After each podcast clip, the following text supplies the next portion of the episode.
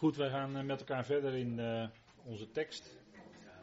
En uh, misschien is het goed om toch even te vermelden dat bij dit vers, ook maar in 1 vers 11, kwam terecht even een opmerking. Dat dat stukje, die zei ik ben de alfa en de omega, de eerste en de laatste. Daar is een handschriftenkwestie. in de concordante vertaling is dat stukje weggelaten. maar dat maakt op zich niet zo heel erg veel uit binnen het tekstverband waar we nu zitten, want de Alpha en Omega hebben we al gezien. Hè? In 1 vers 8 staat het al vermeld. En de eerste en de laatste, dat hij de eerste en de laatste is, dat staat dan wel duidelijk vermeld in uh, vers 17.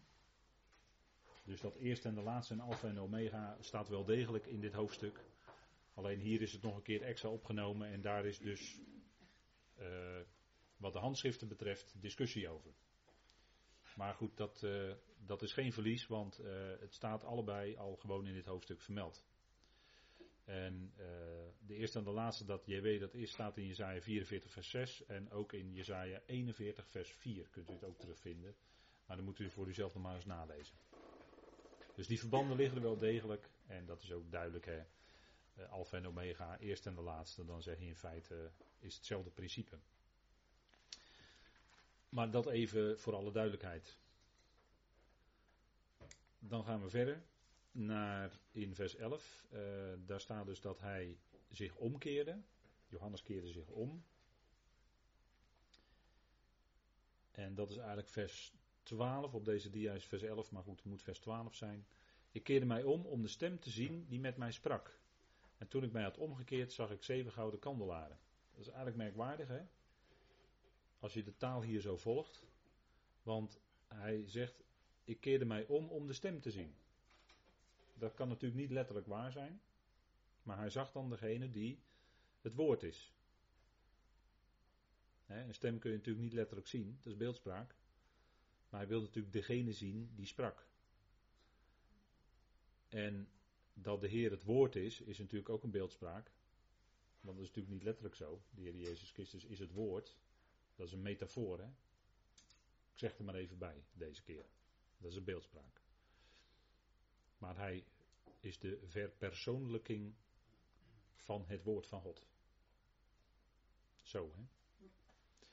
Dus hij keerde zich om die stem te zien. En toen zag hij eerst zeven gouden kandelaren. Dat is ook opmerkelijk, hè? Hij zegt dus niet dat hij eerst de Heer zag, maar hij zag eerst zeven gouden kandelaren. Dat staat hier voorop, hè? Dat het belang van de gemeente, of van die gemeentes die hier dan aangesproken worden, staat hier kennelijk voorop. Dat is dus wel iets belangrijks. Een kandelaar, hij ziet dus zeven gouden kandelaren. En een kandelaar is natuurlijk dat wat licht verspreidt. En daarin natuurlijk een beeld van het woord van God. Hè hij ziet dus niet, hij ziet dus zeven afzonderlijke kandelaren, hè, meervoud. Hij ziet dus niet hier een menorah, want dat is één kandelaar met zeven armen. Maar hij ziet hier zeven verschillende kandelaren.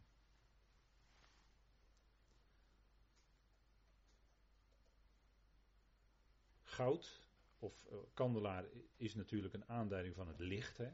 Want een kandelaar, daar zet je een kaars op en die verspreidt licht.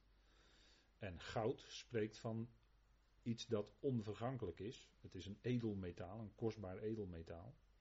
Jeruzalem, het nieuw Jeruzalem is straks ook een gouden stad hè, met gouden pleinen. En het beeldt dan ook uit het opstandingsleven, wat per definitie onvernietigbaar is, hè, wat per definitie onvergankelijk is. Het opstandingsleven.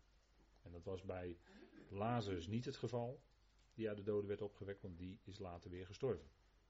En dat geldt ook voor de jongeling van Nain en voor het dochtertje van Jairus. Die werden niet in onsterfelijkheid opgewekt. Maar die werden opgewekt uit de dood, maar die stierven later weer allemaal. En dit moet dan de tegenhanger natuurlijk zijn. Hè. Hier, wordt, hier is alles licht wat je ziet. Dat is natuurlijk de tegenhanger van het Babylonische Rijk, wat gekarakteriseerd wordt door duisternis en dood.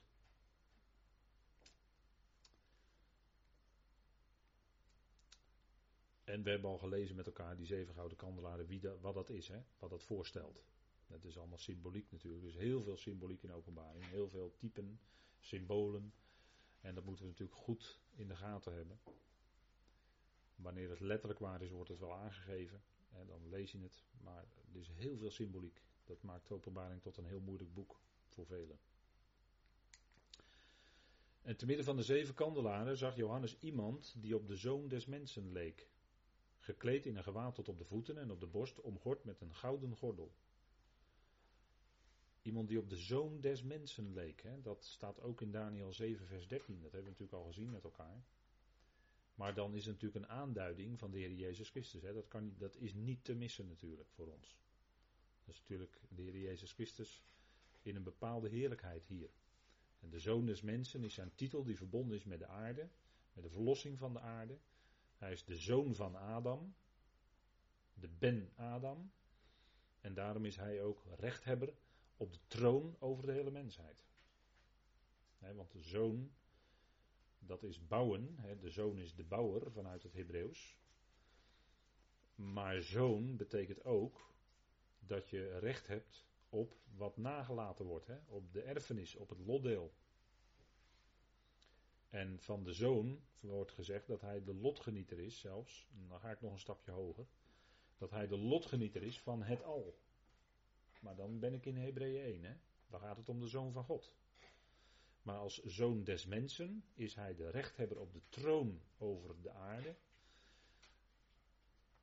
omdat hij de ultieme zoon van Adam is, de laatste Adam de levendmakende geest. Ik spring nu even wat heen en weer tussen diverse plaatsen.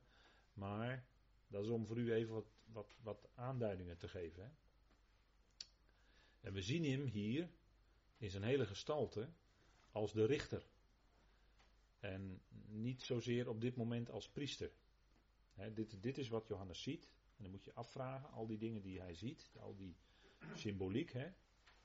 Het wordt steeds het woordje als wordt ook gebruikt.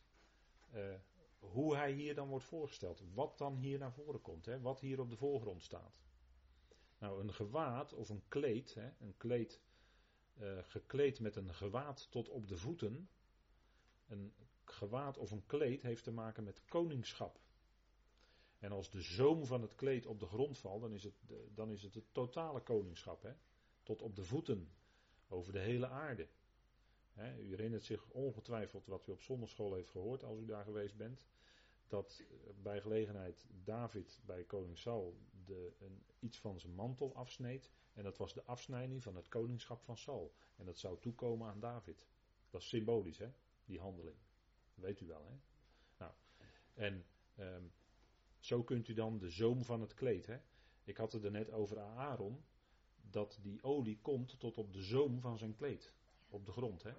Dat betekent dat hij gezalfd is tot hoge priester en dat het dus voor Israël is natuurlijk, maar ook voor de hele aarde. Dat Israël een bediening heeft als priester voor de hele aarde, voor alle volkeren. Dus dat zit er ook in. Hè? Dus het gaat om die totaliteit, hè? die zoom van het kleed.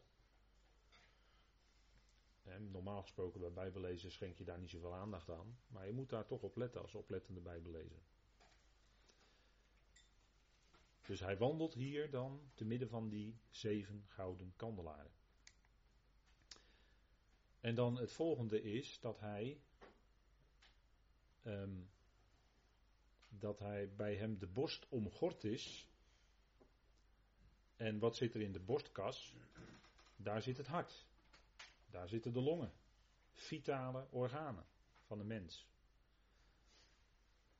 En dat wijst ook op het innerlijk. En goud, een gouden gordel, goud heeft te maken met het onvergankelijke opstandingsleven. In de tabernakel waren de voorwerpen allemaal overtrokken met goud. Dat wijst op de opstanding. Dat wijst op de heerlijkheid van Christus. Dat is de tabernakel helemaal vol mee. Bijvoorbeeld de ark die was gemaakt van, als ik het goed zeg, hout.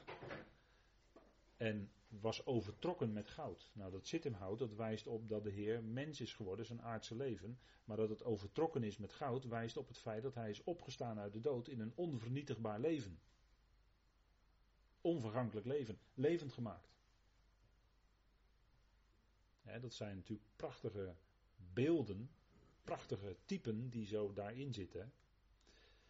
En zo wordt hij hier dan ook voorgesteld. Hè? En dat wordt natuurlijk ook later gezegd, dat hij de levende is, dat hij de eerstgeboren is uit de doden. Dat hebben we al gelezen in vers 5. Hè?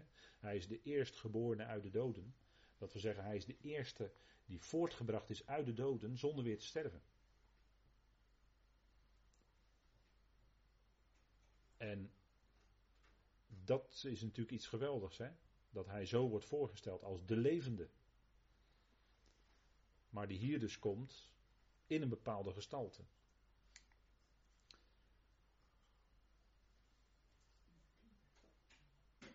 Dat is even tussendoor, hè?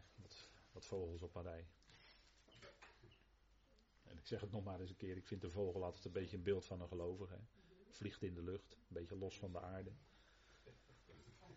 En hier zitten zo een aantal van die gelovigen gezellig naast elkaar. Nee, het zijn er vijf, maar vijf is ook het getal van de genade. Dus ja. De zeven van de dus, Ja, de zeven, daar komen we nog op, uh, Cor. Ja, daar komen we nog op vanavond. Maar de vijf is het getal van de genade en van de, eigenlijk van de verborgen dingen. Nog meer, maar van de genade ook. Dus dat, dan is het wel weer passend. En zijn hoofd en haren waren wit, als witte wol, als sneeuw.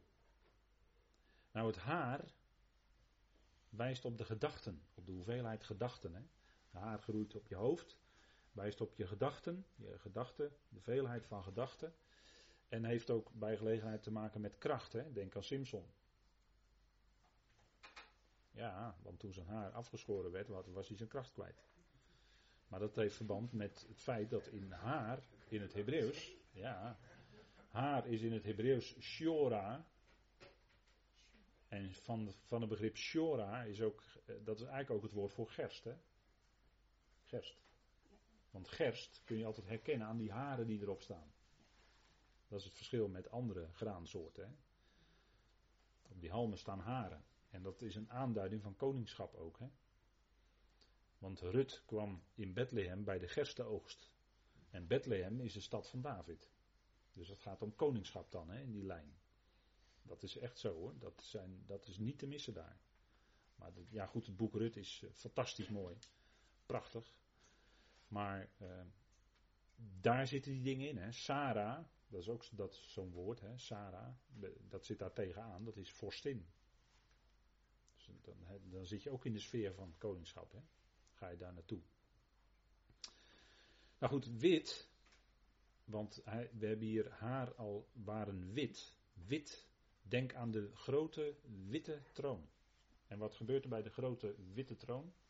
Daar is gericht over de mensen. daar zullen de mensen gericht worden. Die, laat ik maar even makkelijk zeggen, ongelovig gestorven zijn. Dus de grote witte troon heeft te maken met gericht. Wit, dat wijst ook in de schrift naar reinheid en naar gerechtigheid.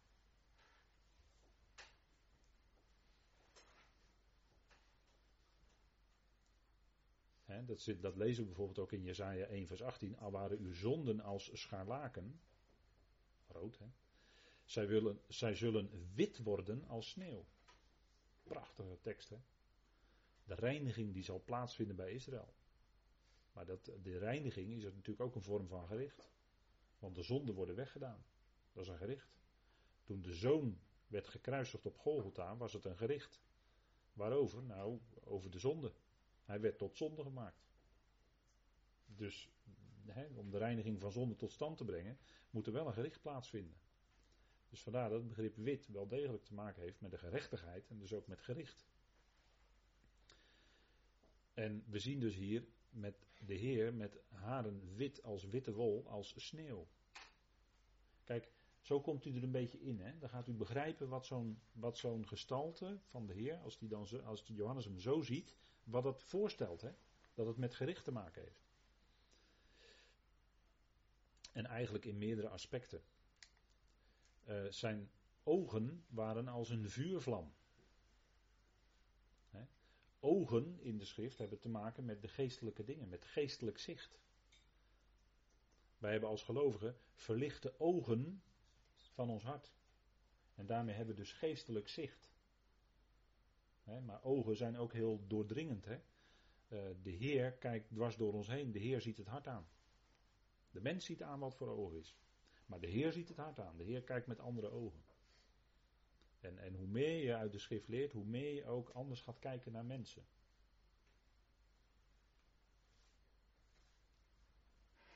En een vuurvlam, hè, ogen als een vuurvlam, wijst naar licht, maar vuur in de schrift heeft ook te maken met gericht, wel degelijk. Vuur werkt louterend. Waarom is daar de poel des vuurs? Dat werkt louterend. Mensen worden geworpen in de dood, in de tweede dood, moet ik zeggen, poel des vuurs, opdat zij kwijtraken wie ze in zichzelf zijn.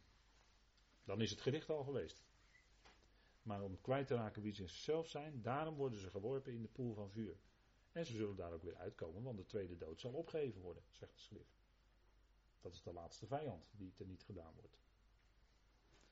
Maar dan is er dus een louterend. Hè, in die zin heeft het een louterende werking. Dus vuur in de schrift heeft te maken met gericht. Hè. En, en daar waar mensen de opwekkingsbundel graag zingen, Hè, dan zingen ze doop mij met geest en met vuur. Ik zou het niet zingen. Ik zou het niet zingen.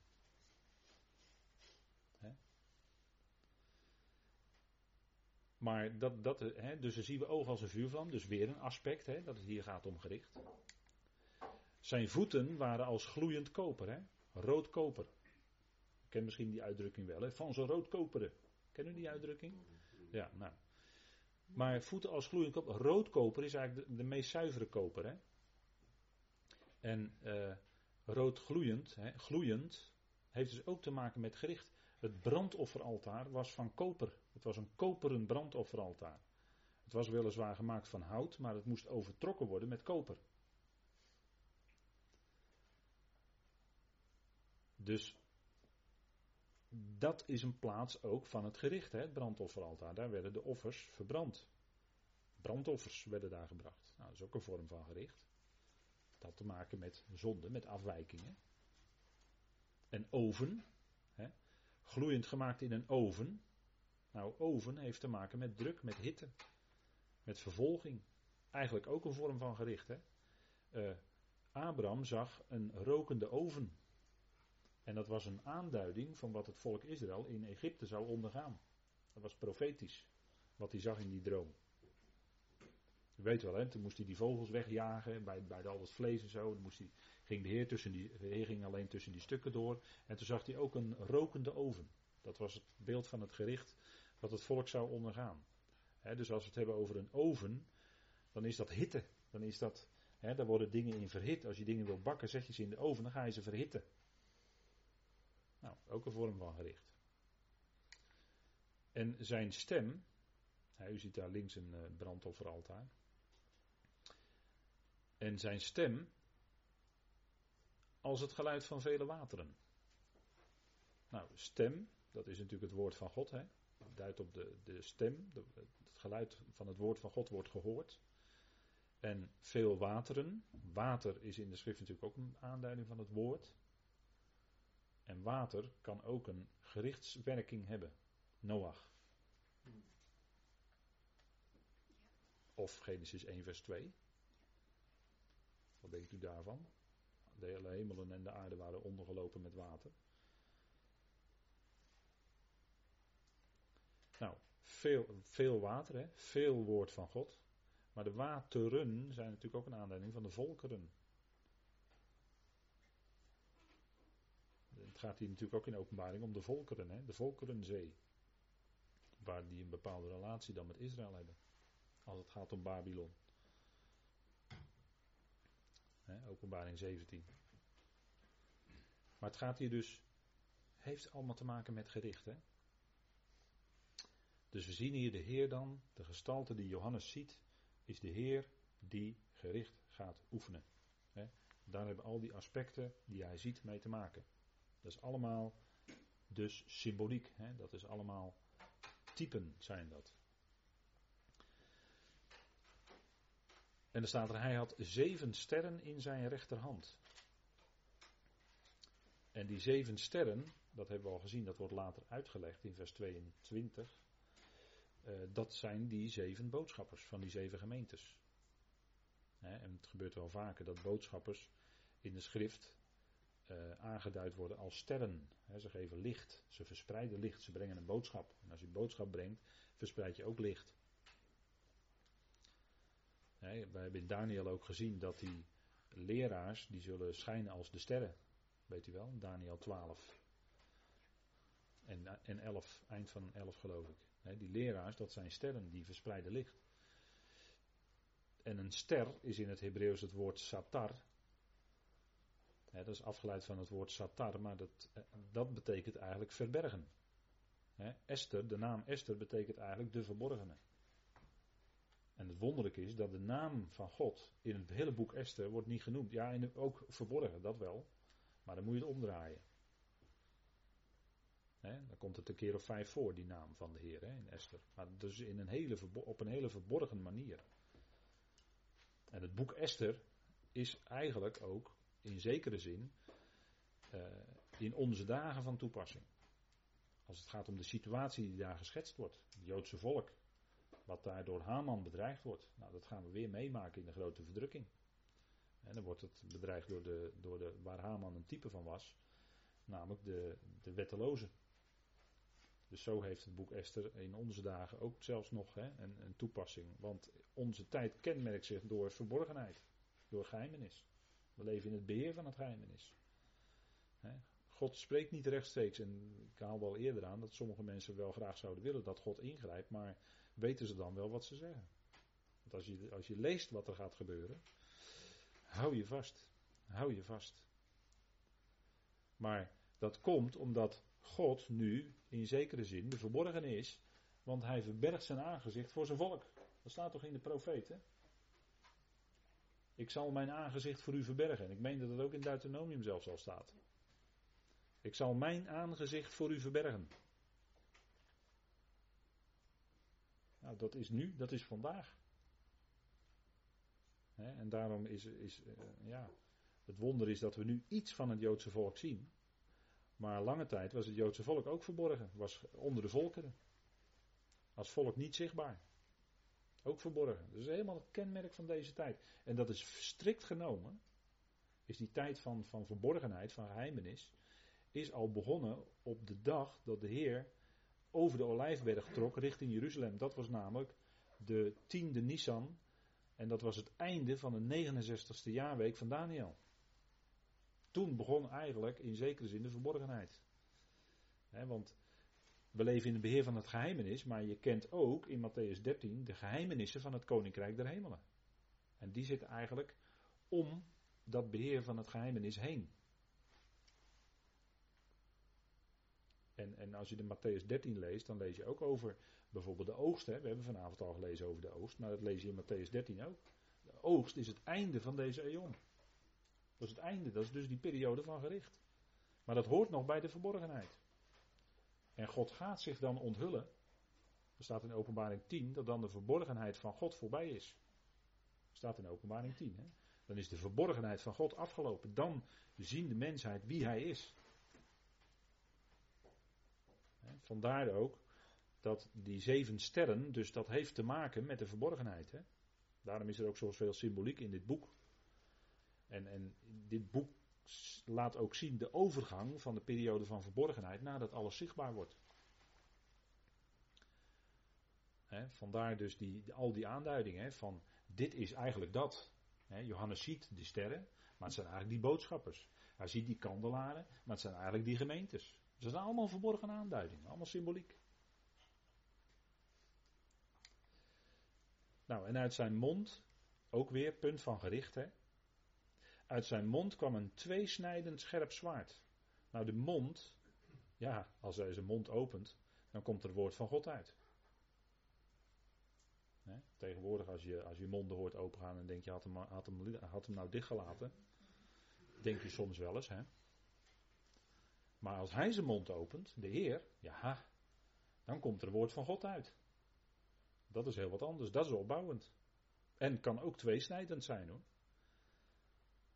want dat woord van God, in zekere zin, snijdt dat woord van God ons af van de wereld. Wij aanvaarden dat woord, de wereld niet. Kunnen ze niks aan doen, ze zijn in ongeloof. Maar toch is het zo. En dat woord van God brengt scheiding. En zelfs, dat is heel raar om te zeggen, maar zelfs onder gelovigen brengt het ook scheiding. Ja, sorry, maar dat is zo. Kijk maar in Korinthe, ik heb het erbij gezet, 1 Korinthe 11.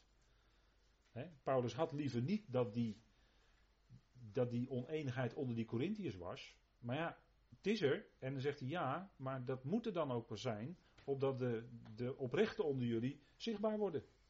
En dat maakt het woord van God, de prediking, maakt dat zichtbaar. Daarom, ehm, als dat woord open gaat, ja. En, en je merkt ook dat sommige gelovigen dat soms ook wel een beetje ontlopen. De momenten dat het woord echt open gaat. Dat is die scheiding. Want kijk, het woord van God is een tweesnijdend scherp zwaard. En dat maakt scheiding tussen ziel en geest. En daar heeft het dan te maken. Dat sommige gelovigen bij gelegenheid liever niet onder het woord komen. Omdat het snijdt. Het snijdt in je ziel. Het maakt zichtbaar in jou wat van de ziel is en wat van de geest is. En dat kan wel eens niet gezellig zijn. Dat is, dat is niet de schuld van de spreker, maar dat doet het woord. Dat doet God. Door de woorden van de spreker heen. dat, dat weten niet wat er allemaal leeft onder de mensen, wat er allemaal in de mens is. Maar je hebt maar één ding te doen, dat is spreken wat er staat. En als God daarmee werkt in een mensenleven, ja, oké, dat is Gods werk. En, en de, dat, dat, dat, dat woord maakt het duidelijk hoor. Dat woord maakt het duidelijk. Onder de Corinthiërs kon Paulus toch ook niet alles vertellen? Hij kon toch ook niet daar de vaste, het vaste voedsel brengen, alleen nog melk. Hij zegt, jullie zijn nog kinderen, nog onmondig in Christus. Jullie maken onderling ruzie, groepjes. Jullie zijn nog helemaal niet toe aan de vaste spijs. Jullie hebben nog melk nodig. En niet die honing. Daar komen jullie niet aan toe. Nou, dat is, dat is wat Paulus constateert. Er waren er wel die, wel die wel gegroeid waren en die wel die woorden wilden accepteren van Paulus. Allen in Azië hebben mij verlaten, zei Paulus. Dat had met het woord te maken natuurlijk, wat hij bracht. Hij was niet meer welkom in de gemeentes die hij zelf gesticht had. Nou, dat kwam omdat ze zijn woord niet meer bliefden. Ja, zo, zo ging het. En zo gaat het vandaag aan de dag precies eender hoor. en als je met het woord te maken hebt, is er altijd strijd. Rondom Gods woord is altijd strijd. En dat komt omdat het te maken heeft met deze dingen: ziel en geest. En, en, en daarom was, zei Paulus ook dat het een, een struggle was, een strijd was om het bekend te maken. Ja. Nou, dat is natuurlijk een geweldig woord wat dan bekend wordt. En dat er dan, ja, dat jij als mens, dat daar niet zoveel van overblijft. Ja. Dat is soms moeilijk te verteren. Maar onder gelovigen werkt het dus ook scheidend, hè, dat woord van God. Altijd. Het is een scherp rechter.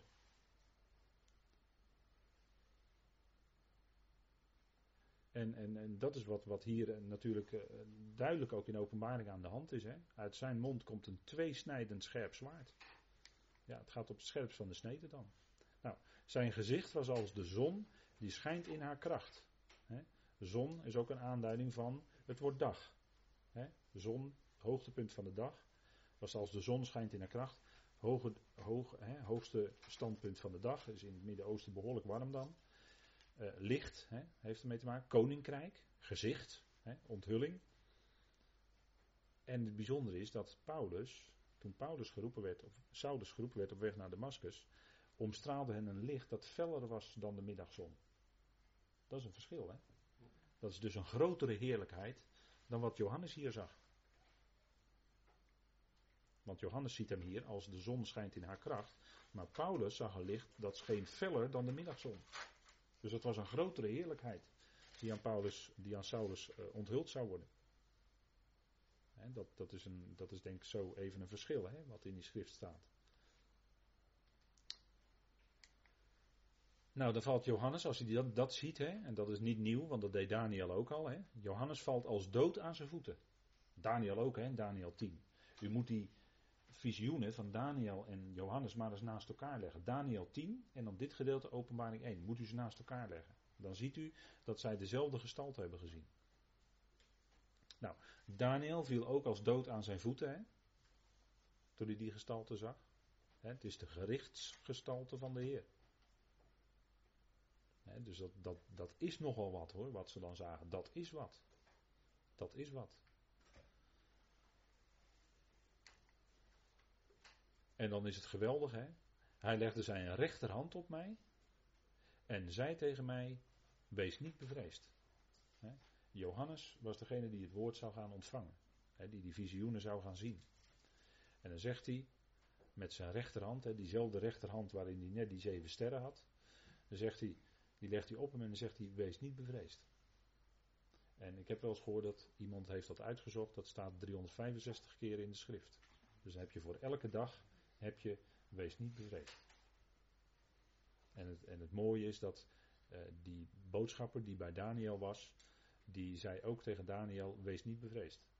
Precies hetzelfde. Hè? Dat is eigenlijk heel mooi dat die profeet, die wordt dan opgericht door God. En die kan toch, omdat hij zich heel nietig voelt als mens, terecht, toch dat woord van God ontvangen. Hè? God zegt tegen ons ook elke dag, wees niet bevreesd. Wij kunnen s'nachts erg tegen de dag opzien. Maar dat is dan ook in de nacht. Hè.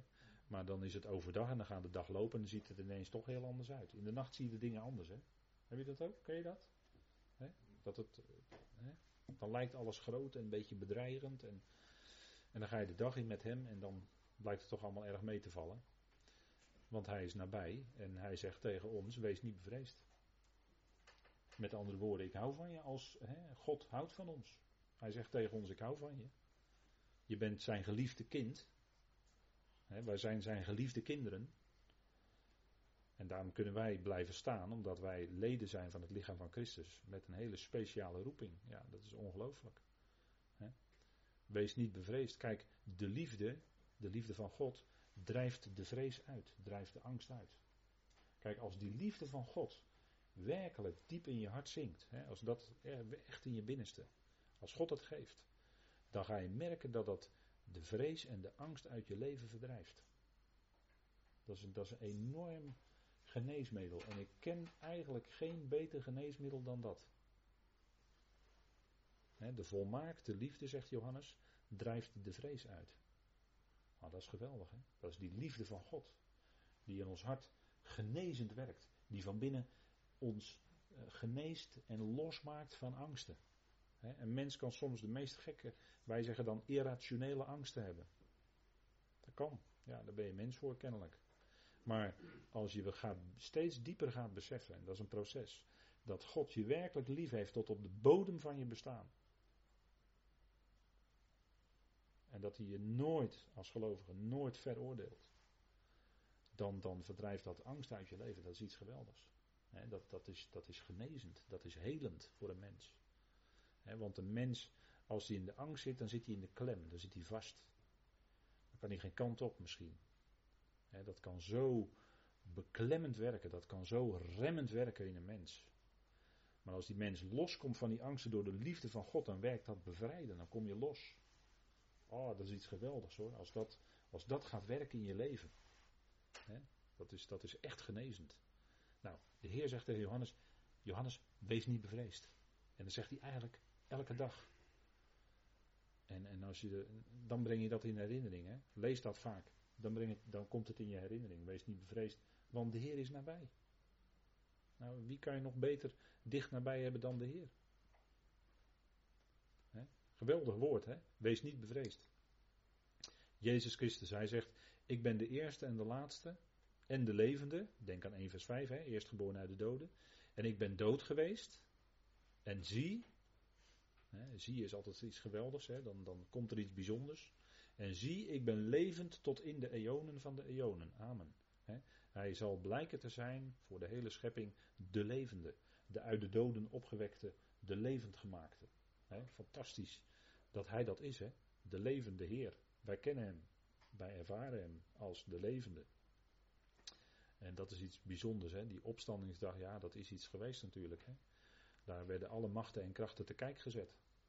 De tegenwerker bleek de grootste nederlaag uit zijn leven te hebben geleden. toen de Heer door vader uit de doden werd opgewekt. Dat is wat Colossense zegt, hè? Colossense 2. dat was een geweldige proclamatie, overwinning van een grote kracht van God. die, die hem uit de doden opwekte en hem ook aan zijn rechterhand zette. daar, daar, schrijft Paulus over in Efeze 1, over die geweldige opstandingskracht. Kracht om te leven, kracht om te denken, kracht om uh, ja, werkelijk echt te leven. Nou, hij zegt, ik ben de levende in de eonen van de eonen. Dat zijn die komende tijdperken, hè, de duizend jaren en de nieuwe aarde. Geweldig. Hè? Amen, het is betrouwbaar. Het is waar. Het is, uh, hè, daar zit alle trouw van God zit daarachter. Hè, dat is heerlijk. Nou, Jezus Christus zegt van zichzelf dit. Hè, dit is een geweldige uitspraak natuurlijk. Hè, is iets om, om uh, mee te nemen en, en steeds voortdurend dat bewust te zijn. Nou, dan het getal 7, want daar zouden we vanavond nog op terugkomen. Het getal 7, want er wordt vaak in openbaring gesproken over zeven. Hè, over zeven sterren, zeven gemeentes, zeven boodschappers, geesten, kandelaren, schalen, zegels, bazuinen en ga zo maar door. Hè. Steeds kom je die zeven tegen. Nou, wat betekent nu de zeven? u ziet daar rechts op de dia de Hebreeuwse letter Zayin, dat is de zeven. Dat, dat, eh, dat is het woord in het Hebreeuws het woord shebo.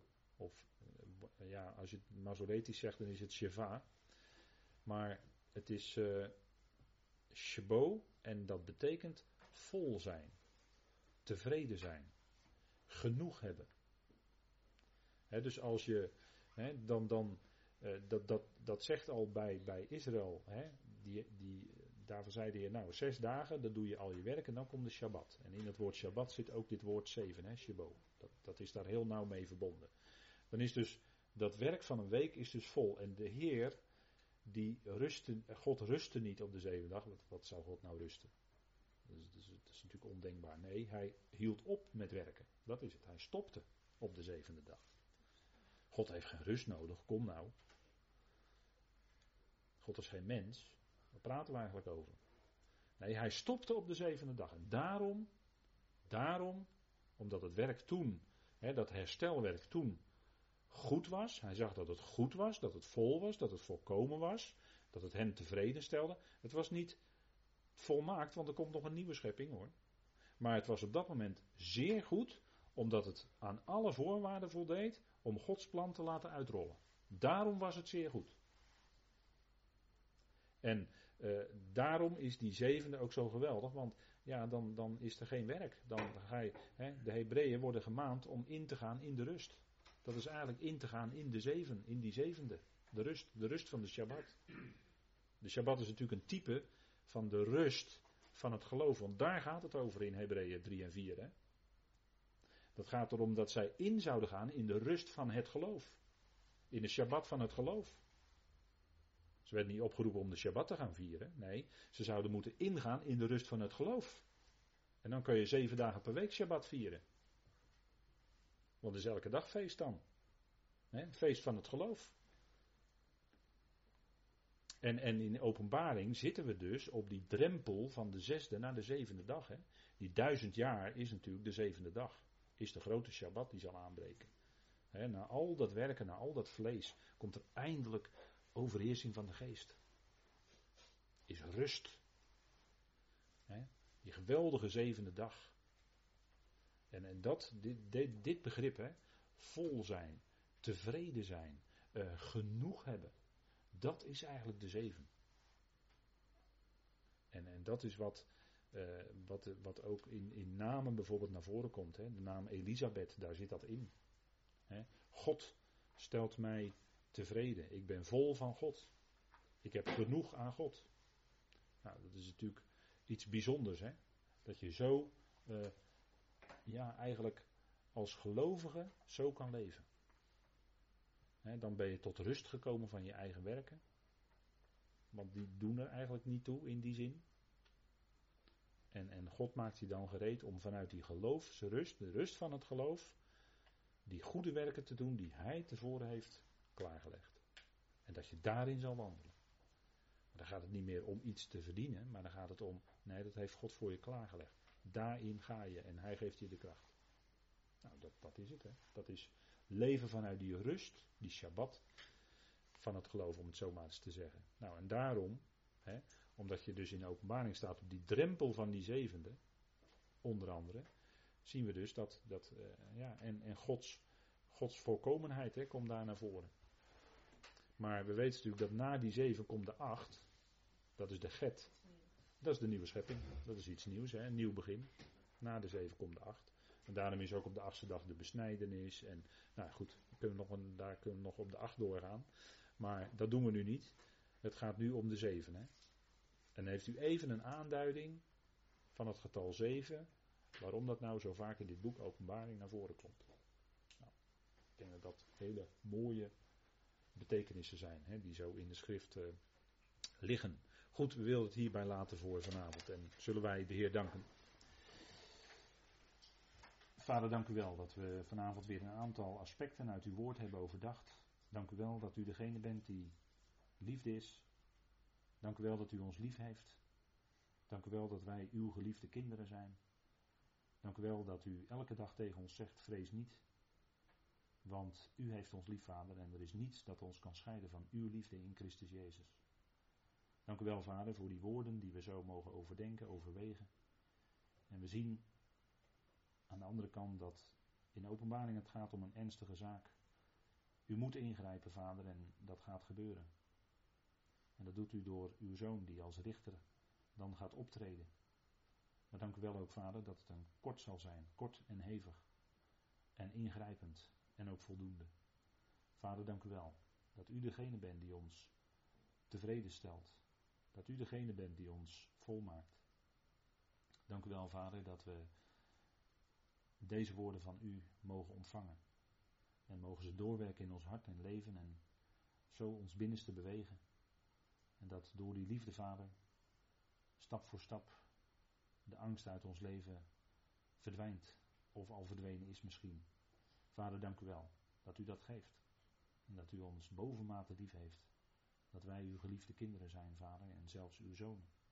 Dank u wel voor die heerlijkheid. Dank u wel voor die genade we zo vanavond hier in alle rust bij elkaar konden zijn. Dank u wel voor dat wat u wilde geven in het spreken, in het luisteren. En vader, wilt u het uitwerken verder in ons leven. We danken u daarvoor in de machtige naam van uw geliefde Zoon, onze Heer Christus Jezus.